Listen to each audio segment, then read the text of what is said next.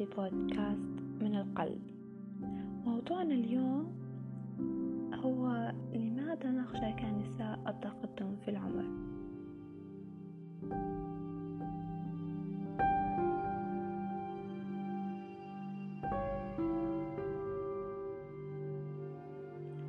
يبدأ الحديث بين النساء عادة بالسؤال عن الأحوال وينتقل فورا للنقاش حول الوزن والعمر.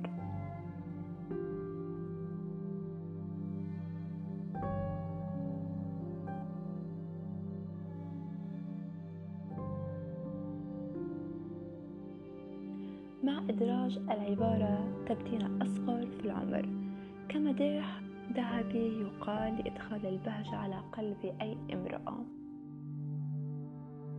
عيد ميلاد الأربعين وبعد انتهاء الاحتفال الصغير الذي أقمته مع صديقاتي المقربات بدأت أسترجع كيف تحول هذا اليوم الجميل إلى يوم أدافع فيه عن عمري.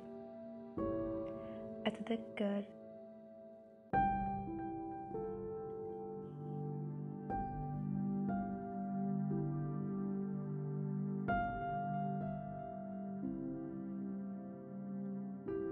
إن المحادثات بعد التهنئة والتمني بطول العمر لم تخلنا التساؤلات عن شعوري حول تقدمي في العمر ماذا أفعل كي أبدو أصغر؟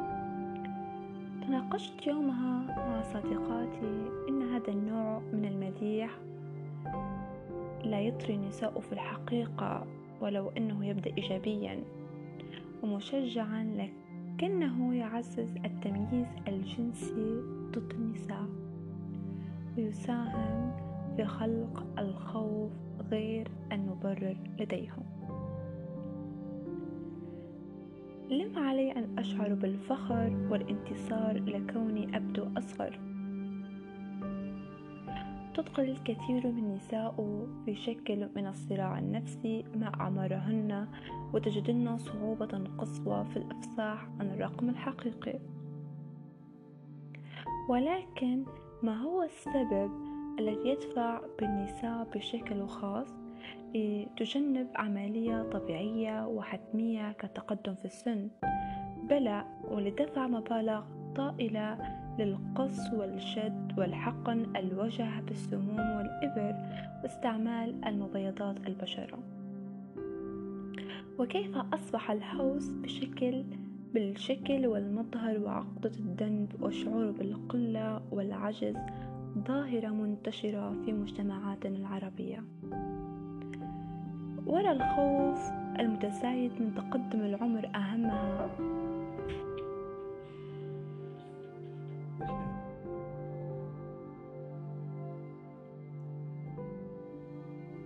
أهمها الخوف من التقدم من العمر آه، والمعايير الزواج.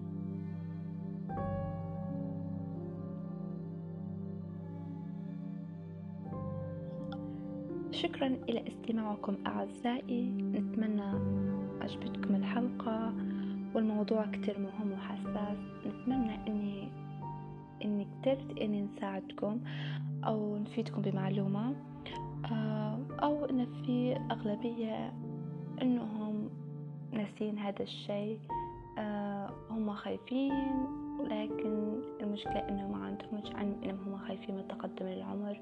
نتمنى إني نخليكم تفكروا فيه أكتر إنكم تشوفوا الموضوع كتير بسيط إنكم تحبوا كل أعماركم وإنكم تعيشوها. مع السلامة.